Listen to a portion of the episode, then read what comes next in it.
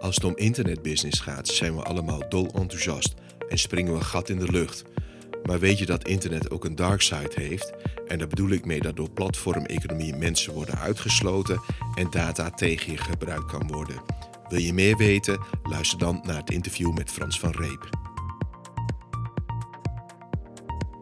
Luisteraars, welkom bij mijn uh, volgende podcast. Uh, ik heb vandaag uh, niemand minder dan Frans van Reep voor mij zitten.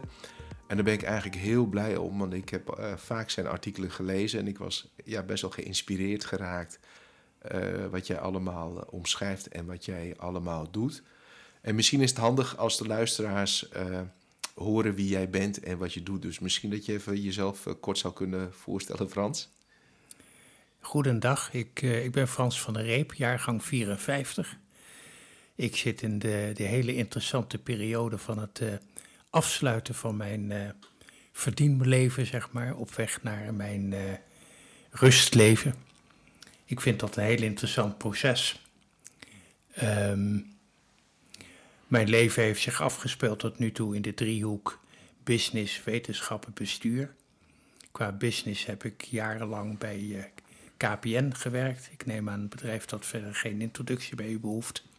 In de strategische kolom. Bij wetenschap ben ik uh, sinds begin van deze eeuw lector geweest. Digital World. Bij hogescholen in Holland. En ben ik, heb ik het enorme voorrecht gehad bij diverse buitenlandse universiteiten te mogen doseren. Met name de CEU, Central European University, de Soros Club, zeg maar. In ja. Toen Boedapest, nu Wenen.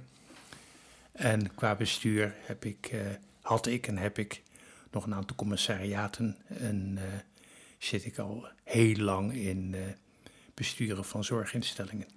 Kortom, een rijk leven op dat punt. Ja, je hebt een behoorlijke track record als ik het zo hoor.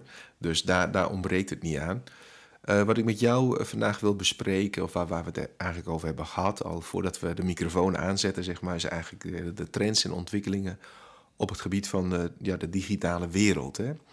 Uh, daar maakt internet een deel maakt van uit, big data maakt er een deel van uit, maar ook artificial intelligence.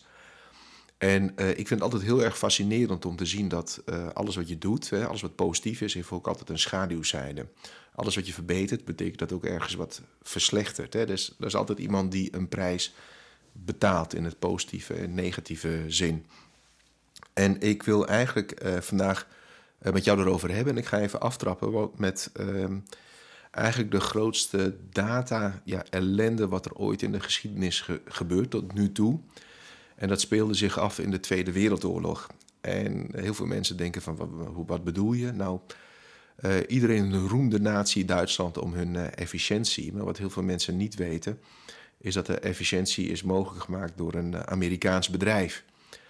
ze hebben 2200 ponskaarten machines geleverd, 2200 ponskaarten machines geleverd om via data en ponskaarten alles in kaart te brengen, treinen te, te transport te regelen, maar ook de destructie van mensen uiteindelijk. In, in, die periode van 1933 tot 1945 eh, hebben ze anderhalf miljard ponskaarten verkocht. dus eigenlijk uh, data op papier, zeg maar, of in ponskaartensystemen. Waardoor het uh, ja, Duitse nazi-apparaat ontzettend efficiënt heeft kunnen draaien. Door data op, ja, weliswaar papier, niet op een harde schijf. En dat bedrijf die dat mogelijk heeft gemaakt, en als ik het zeg, dan vallen meestal mensen van een stoel, dat heette International Business Machines. Met andere woorden, eh, IBM. En meneer Watson was daar hoogstpersoonlijk voor verantwoordelijk. En dat was een ja, enorme. Uh, ja, hoe moet ik het zeggen? Je kunt je bijna niet voorstellen wat de impact toen was. We kennen wel de geschiedenis, maar wat dat allemaal heeft gedaan. zou zoiets weer tegenwoordig kunnen gebeuren op de manier zoals wij nu met data en technologie omgaan, Frans? Ik weet het niet. Ik weet het niet. Wat ik wel weet is een paar dingen die mij uh, denk waarvan ik zou willen weten, waarvan ik zou willen dat politici erover nadenken. In de eerste plaats, uit internationaal onderzoek blijkt dat uh, pakweg 45% van de mensen uh, strictly blindly obedient is. In het mm oude rapport 2014 staat dat in. By the way, dat, een grapje uit dat onderzoek blijkt dat Nederland nog net een beetje meer obedient is dan België en Duitsland. Wij nemen dingen veel te makkelijk uh, klakkeloos uh, Ja. aan. Ja. Tweede punt is bijvoorbeeld dat ehm, in ons rechtssysteem is het zo dat wat niet verboden is, is toegestaan. Dus als je maar doorgaat met nieuwe dingen op het gebied van data-innovatie, dan zit je natuurlijk op nieuw territorium. Er zijn geen regels voor. En waar geen regels voor zijn, is niet verboden. En dus ook niet afgekaderd. En ook niet afgekaderd. Dus wat je ziet is dat het hele juridisch-institutionele kader om, om, om deze nieuwe ontwikkelingen te ordenen, is er niet. En dat gaat ook wel tien jaar duren voordat het er wel is. Dus het is gewoon Wild West voor de ICT-bedrijven. Die hebben een volledig vrij spel. Eh, betekent ook dat eh, partijen zoals bedrijven en overheden die ja, een redelijk Hosanna-verhaal hierover houden, dat die ook in de tang zitten of komen te zitten als ze niks Vanuit- doen? oh, ik ben een machtsdenker, hè? ik Ja. geef het toe. Maar vanuit een machtsperspectief zijn de huidige overheden gewoon geen partij voor de, groot, voor de Big Five op het gebied van, van big data en digital development. Dus de, de, de Google, Amazon, Alibaba, dergelijke. Hm. Die zijn veel beter georganiseerd. En, en ehm, lopen gewoon door. Wat, Dus- zou de, wat zou de overheid dan wel kunnen of eh, moeten doen om dat eh, ja, wel goed georganiseerd te krijgen? je, moet, je, je macht kun je alleen reguleren met macht. Dus je, je zult machtsstructuren moeten optuigen, waar, die je ook moet ver- eh, bemannen met verstandige mensen, Mhm. om tegen te spel te bieden aan, aan zeg maar het business-egoïsme, zoals je dat net van IBM beschreef, maar die nu toch ook bij de Googles en, en, en de Alibaba's en de Amazons van deze wereld bestaan. Ja. En die zijn er niet. Je ziet nu met, de, met, natuurlijk met de discussies over privacy, met datalekken, eh, iets in de sfeer van de cybersecurity, zie je beginnetjes ontstaan, ook op het niveau van de Europese Unie. Maar we, we komen wel van heel ver. Kijk, de problemen die we nu manifest zien, die wist ik in ieder geval 15 jaar geleden al.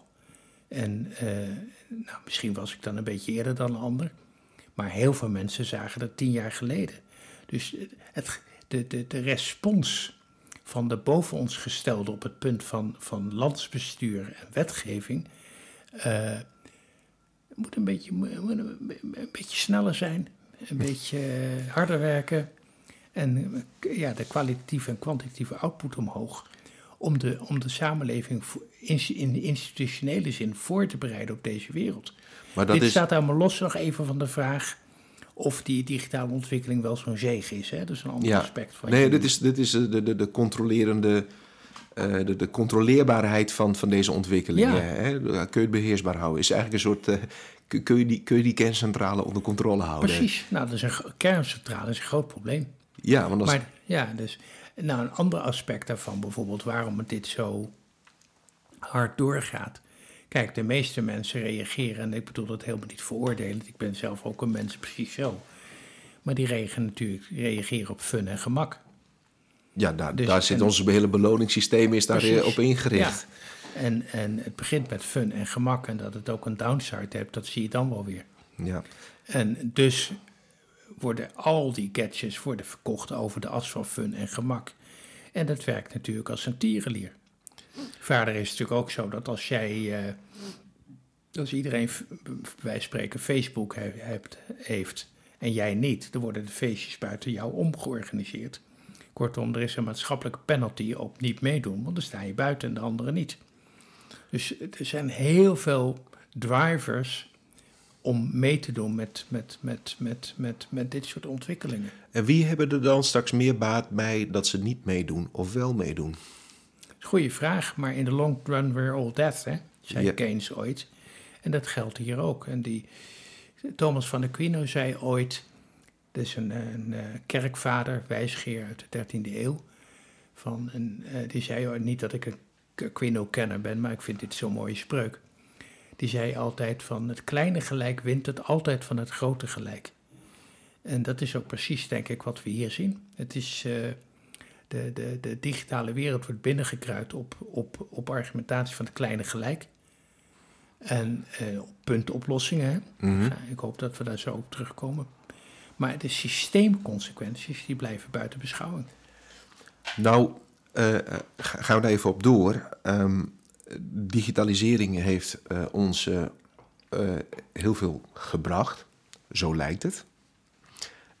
het heeft het leven verrijkt. Zo lijkt het.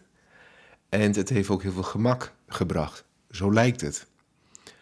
Um, en jij zegt net dat het kleine gelijk strijdt er juist voor om de grote gelijken binnen te halen, hè, te, implementeren in de maatschappij.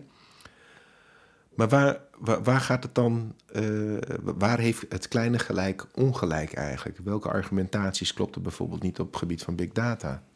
Nou, kleine gelijk gaat over gewoon het korte termijn voordeel. En het grote gelijk gaat over de, de systeemconsequenties. Mm -hmm. Ik zal een voorbeeld geven van klein en groot gelijk. Als jij bijvoorbeeld in het Groene Hart woont, hè, in uh, het gebied tussen, laat ik zeggen, Amsterdam en Alphen aan de Rijn. Ja. En jij wil een uh, mooi groen schuurtje erbij in je tuin. Nou, dat maakt natuurlijk geen bal uit, dat groene schuurtje, voor, voor de staat van het land, hè? Nee, schuurtje. Nederland gaat niet ten onder. Nee, als nee, dat die drie vierkante meter maakt geen bal uit. Nee. Het probleem is dat niet alleen jij dat bedenkt, maar dat 10.000 andere mensen dat ook bedenken. Mm -hmm. En dan maakt het wel uit, want dan slipt namelijk het groene hart dicht. Ja. En uh, je moet een structuur hebben die, die uh, jou ontmoedigen jouw schuur neer te zetten. Niet omdat iemand jou die schuur misgunt, want die, jouw schuur is niet relevant. Maar die ervoor zorgt dat er niet 10.000 nieuwe schuren komen. Dat is het probleem. Je moet altijd een beetje verder kijken. E-mail bijvoorbeeld. Mm -hmm.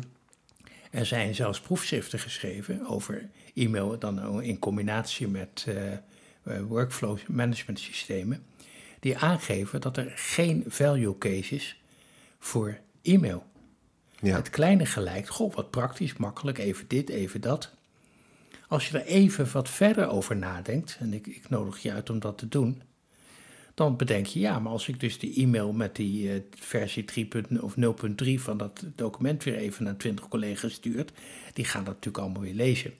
Ben je weer 5, 6 uur verder die de baas moet betalen.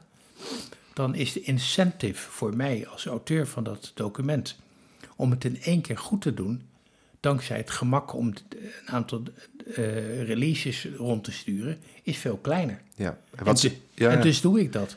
En als je het sommetje met, dit, met, met dit in, deze impact op gedrag meeneemt, dan is er dus geen value case voor e-mail. Nee, want feitelijk kost het uh, tijd. En dat, Ja, het kost- het kost en dat realiseren mensen niet. Het kost Eh, tijd, Ja, ja. ik had het gisteren nog met iemand over. Ik zeg van ja, weet je, tijd kun je niet meer terugkopen. Hè? Het is weg. Het is uh, Tijd is weg, ja. Ik kan niet met terugwerkende kracht mijn eh, zes eh, weken vakantie weer eh, Ja. terughalen. Dat, Ja. dat gaat gewoon niet. ja. Weet je, het is gewoon weg. Dus daar moet je heel zinnig mee omgaan. En dus er worden eh, heel veel eh, dingen toegekend aan, aan eh, ja, in dit geval e-mail. Maar terwijl het een enorme tijdslurper is eh, gemiddeld. Sterker nog, er worden Ja. cursussen voor gegeven hoe je efficiënt met e-mail moet eh, om, eh, omgaan. Ja, en bij, je vroeg naar big data en, en, en het verlengde daarvan AI, artificial intelligence. Dat is natuurlijk toch, toch een heel, heel groen gebied, hè. Want, maar als je kijkt naar wat de beloften zijn dan naar wat er gaat kunnen, ehm, denk ik van, nou, je zou toch eens een maatschappelijke discussie moeten hebben of je nu echt wil dat de samenleving op die manier wordt ingericht. Nou, de Dus, vraag eh, is wie richt het in? Want het zijn vaak maar een paar kleine partijen die, die, Ja, die nou, het doen, hè? Ik zei al net tegen je dat dus de hele juridische, institutionele vormgeving om dit soort dingen te geleiden zijn er niet. Eh, bijvoorbeeld het Planbureau voor de Leefomgeving in Nederland neemt het niet mee. Het Centraal Planbureau neemt het niet mee. Sociaal Cultureel Planbureau doet een kleine poging. Dus de, de hele, het meelopen van de vraag naar AI als maatschappelijk fenomeen is, een, is niet goed belegd. Ratenau Instituut doet een poging, maar het is gewoon niet goed belegd. En dat is geen verwijt aan wie dan ook. Maar dat komt omdat dit soort dingen zo snel is gekomen, dat dus het, het hele bestuurlijke kader nog moet meegroeien. Dat duurt nog tien jaar. Ja, en die zijn dus per definitie op in- ingericht, want die zijn ingericht op, oude, of Ja. wetgeving methodieken, Ja. waar je gewoon tien jaar over debatteert Ja, en dan de knoop doorhakt. Je hebt bijvoorbeeld nu een, een eh, je hebt allerlei bestuurlijke eh, instrumenten voor, voor rond de investeringen in de publieke ruimte, zoals eh, maatschappelijke effecten, MR, hè, milieueffectrapportage en dergelijke meer. Die zijn er niet voor digitale ontwikkelingen. Als ik je bijvoorbeeld vertel dat de datacenters in de Amsterdamse regio eh, ongeveer 55% van de stroom gebruiken, denk ik dat je toch zou moeten nadenken over de vraag of er nog wel zo'n datacenter bij moet. Ja, en of, en of je Amsterdam kunt elektrificeren met al die Tesla's Ja. en elektrische auto's. bijvoorbeeld, ja. Ja. Waar ik me met name zorgen over maak bij eh, AI en eh, big data, dat is voor mij toch een beetje één ding. Dat is de, dat het gaat leiden tot een feitelijke omgekering van de bewijslast.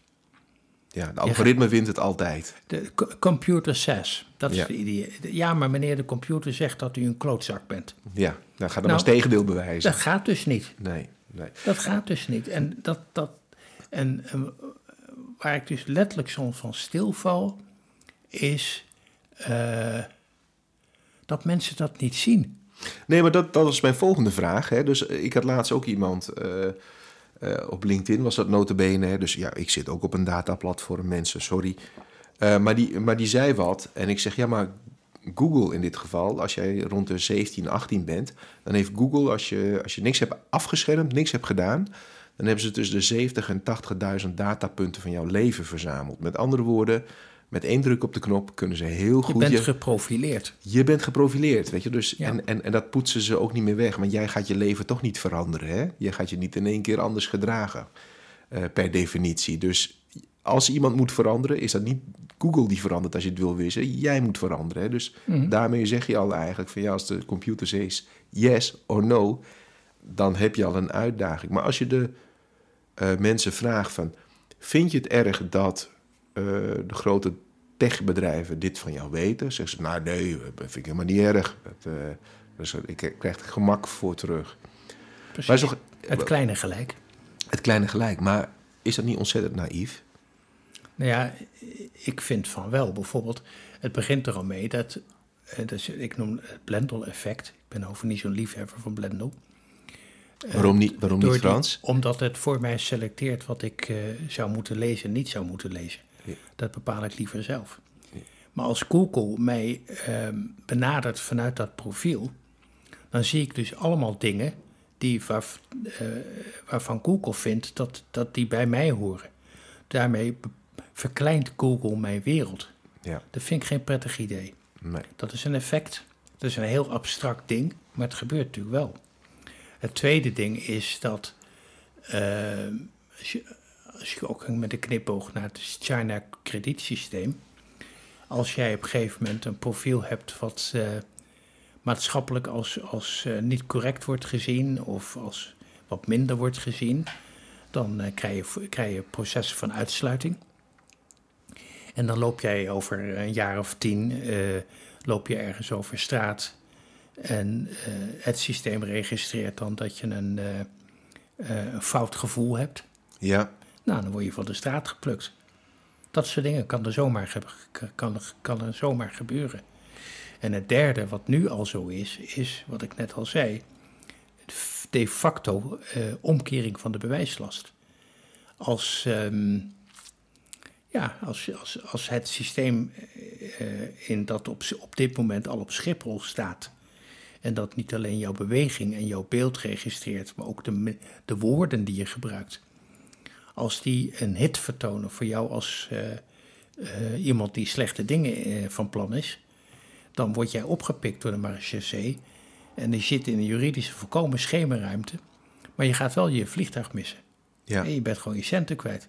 ja, ja. ja. En daar kun En je, je niks kunt je niet verweren. Nee, nee dat, is, dat is eigenlijk heel zorgelijk. Ja, dat is, dat is gewoon. niet- En dat is nu zo. En dat, is dus een, dat, dat duurt allemaal een jaar of tien. Voordat, die, voordat we daar weer een nieuw evenwicht in vinden. Vinden we die evenwicht? Ik Eh, weet het niet. Nee, maar dat, dat is natuurlijk, want de vraag is, eh, evenwicht is altijd balanceren. En wiens kant slaat de balans op? Hè? Dat, dat, dat weten we nog niet. Dus uh, dat is best wel spannend eigenlijk. Nou ja, op dit moment uh, zijn natuurlijk de, de, de wat ik net al zei, de staten en, mm geen partij voor de, voor de grote techpowers. die bepalen de agenda. Maar is, is de overheid dan niet ehm, smachtend aan het kijken van oh, wat kunnen we ervan leren wat ze in China doen? Hè? Laatst was een discussie van zullen we briefgeld afschaffen en alles digitaal doen. Hè? Dan denk je van ja, maar wacht eens even, negatieve rente. Uh, jij kan je geld niet weghalen als het alles digitaal is en in een sok stoppen. Mhm. Dan heeft de overheid volledige controle over uh, cash en de, en de banken ook. Mhm. Dus theoretisch kan er geen enkel bank meer omvallen, tenzij je digitaal overboekt. Maar ja, dat kunnen ze dan ook weer blokkeren. Mhm. En daarmee hou je het systeem onder controle. Ja, het is een optie. Het lijkt me niet verstandig. Emergency cash is een groot goed. Ja dat, ja, dat is een stuk vrijheid wat je... Nou ja, ik, ik, ik vind zelf dat, uh, uh, dat je eigenlijk wettelijk het recht op een offline leven zou moeten verankeren.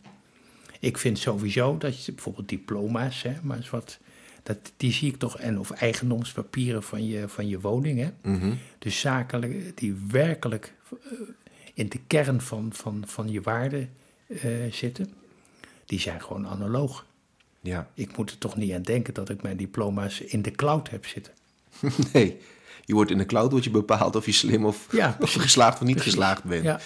En uh, ik vind, en dat ik, misschien dat mijn leeftijd met, dat met zich brengt, maar ik vind dat je het wettelijk recht op een offline leven zou moeten verankeren. En ik vind ook dat in Nederland we veel te veel richting digitale wereld worden gestuurd. Ik was vorige week in Italië en ik vond het heerlijk dat ik gewoon nog een enkeltje met anderhalf euro kon afrekenen bij de buschauffeur. Ja. Gewoon munten. Gewoon munten. Gewoon een ouderwetse transactie Ja. wat nog werkt, ja. Ja, ja en Ja. eh, dat zegt ook iets over mij, dat snap ik best wel. Maar, Nou, de, eh, het de, roept- maar de, de, de, alleen, alles digitaal, ik, ik, ik kan me daar helemaal niks bij voorstellen.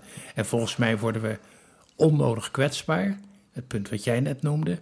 En sluit je ook 20, 30 procent van de mensen uit. Ja. Die helemaal niet, niet omdat ze het niet willen, maar die ook niet kunnen omgaan met al die ingewikkeldheden van de digitale wereld. Nee, maar dat was al twintig jaar geleden zo, Ja. honderd jaar geleden. En het zal over honderd jaar ook zo zijn. Mhm. En weet je, per definitie zal niet iedereen zelfredzaam op digitaal zijn. Want ja, eh, puur statistisch gezien, er worden nou gewoon eenmaal mensen geboren... die, ja, even heel, heel lomp gezegd, niet de slimste zijn per Ja, joh, definitie. eh, en dat is helemaal niet erg, maar sluit ze niet uit. Maar ver- vergis je niet, eh, toen ik eh, voor het eerst een OV-kaart van het spoor had, moest ik ook naar zo'n YouTube-filmpje kijken. Hoe ik zo'n gratis reizendag uit die machine kon halen. Ja, Daar heb ik toch echt een paar minuten voor nodig gehad. En dan kan je echt vertellen dat ik niet de domste ben. nee. Dus, Dus het, het, eh, het, het is dichterbij dan je misschien denkt. Ja. Hey, en eh, als, het, eh, als het gaat om ehm, eh, de, de, de, bed- eh, de overheid, hè, of met name ja, overheid en bedrijven. Zijn er nou bedrijven die eh, wel voorop lopen eh, op dit gebied, maar wel realiseren van, wacht even, wij moeten wel meewerken of, of die, die normering, eh, zeg maar, de kaders gaan creëren. Want wij zien dat het misschien misgaat. Zijn er bedrijven überhaupt die dat doen? Of is iedereen, eh, nee hoor, we gaan lekker door eh, met deze trein? En... Nou, dan zou ik nog een nuance willen aanbrengen tussen... zijn er bedrijven die zich dat bewust zijn... Ja, En zijn er bedrijven die zich dat bewust zijn ook feitelijk actie innemen? Dat is nog een tweede.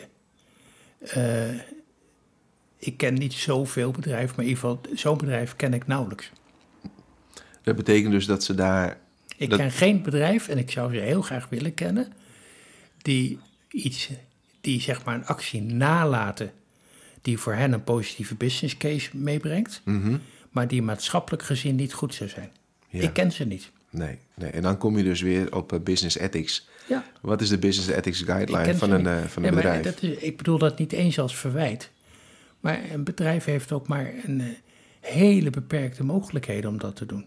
Ja. Kijk, bijvoorbeeld, ik neem begrip webshop. Hè. Er zijn overigens geen webshops in Nederland die echt geld verdienen. Dit voor de, voor de goede orde. Eh, Maar je, je kunt, als je een beetje bedrijf bent in Nederland, ook al verdien je geen bal met die, met die, met die internetpagina, je, je bent niet in de positie om geen internetkanaal te hebben. Ja. Kan gewoon niet. Ook al verdien je er niks mee, maar je moet mee. Dat is, dat is, zo- en dat is, is altijd een beetje, een beetje ingewikkeld in die dingen. Als jij kijkt naar. ehm, eh, ik, ik heb als. eh, ja, gewoon voor de gein op, eh, op LinkedIn en op Twitter gevraagd: van. Kan iemand mij een, iets, een applicatie of een effect van big data aantonen of benoemen. die een waanzinnig groot effect op jouw persoonlijk leven had?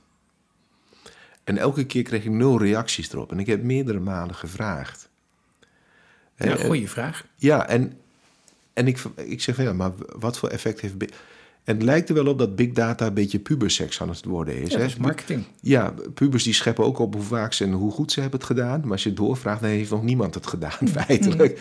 En dat zie je ook een beetje in dit wereldje eh, eh, ontstaan. Want eh, ja, er zijn wel wat voorbeelden, maar dat, dat, je noemt het net marketing. Maar is dat dan ook niet dat we eigenlijk voorbij gaan aan het feit dat, dat de maatschappelijk nut nog niet echt altijd is aangetoond? Ja, maar de andere kant is dat je, althans heel veel mensen vinden, dat ze ook niet in de positie zijn om het niet te doen. Want Ja. je weet maar nooit. Dat is het dilemma. Je, neem bijvoorbeeld ook, eh, met jouw voorbeeld, neem bijvoorbeeld smart cities. Mhm.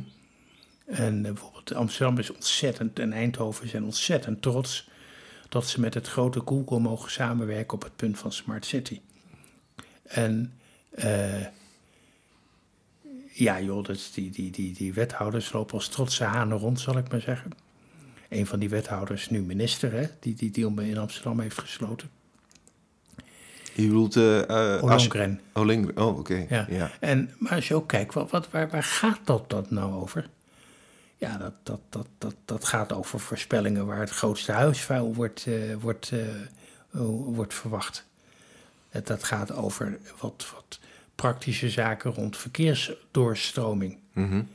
En eh, allemaal, het zijn allemaal beloften waar er nog geen enkele van is eh, eh, ingelost.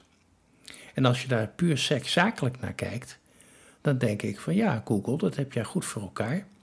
Want jij krijgt gewoon Amsterdam, die, die, die even om in jouw beeld te blijven, die helemaal geil wordt van het idee dat ze proeftuin voor Google mogen zijn. Ja. Nou, in normale omstandigheden vraag je geld voor. En zij, zij bieden zich gewoon aan. Dus een heel bijzonder, eh, heel bijzondere situatie. In Eindhoven precies hetzelfde. ja. Met, eh, En de Google, f- ja, die voedt dat natuurlijk. Die, die spelen het spel wel mee. Nee, tuurlijk. Want die krijgen in één keer toegang tot eh, civilian data van 700.000 bewoners in alle soorten en maten en vormen. En dat is voor hun eh, een verdienmodel straks. Ja, maar de- het heeft tot nu, toe niets opgeleverd. Nee. nee. En, daarmee dus de vraag die ik stelde: van, kan iemand mij aantonen wat voor big data eh, applicatie of systeem een enorm groot persoonlijk effect heeft gehad op iemands leven, dat echt verrijkt heeft, was de antwoord nog steeds nul. Ik heb het nog steeds ook niet gezien. En daarmee is eigenlijk wat je net zegt met, met Google en Amsterdam. Nou, het- misschien komt het nog, ik weet het niet. Waar ik wel een positieve toepassing zie, is eh, bijvoorbeeld eh, interpreteren van röntgenfoto's. in de medische In sector. de medische sector. Ja. Dus echt een, eh, machines kunnen röntgenfoto's beter lezen dan mensen. Nee, dat, dat, dat ben ik zonder meer Nee, maar mee dan eens. heb je een ding. En wellicht op termijn eh, eh, nog beter opereren op afstand. Hè, weet je wel? Dat, dat soort toepassingen. Ja. Of dat echt big data is, dat weet ik niet.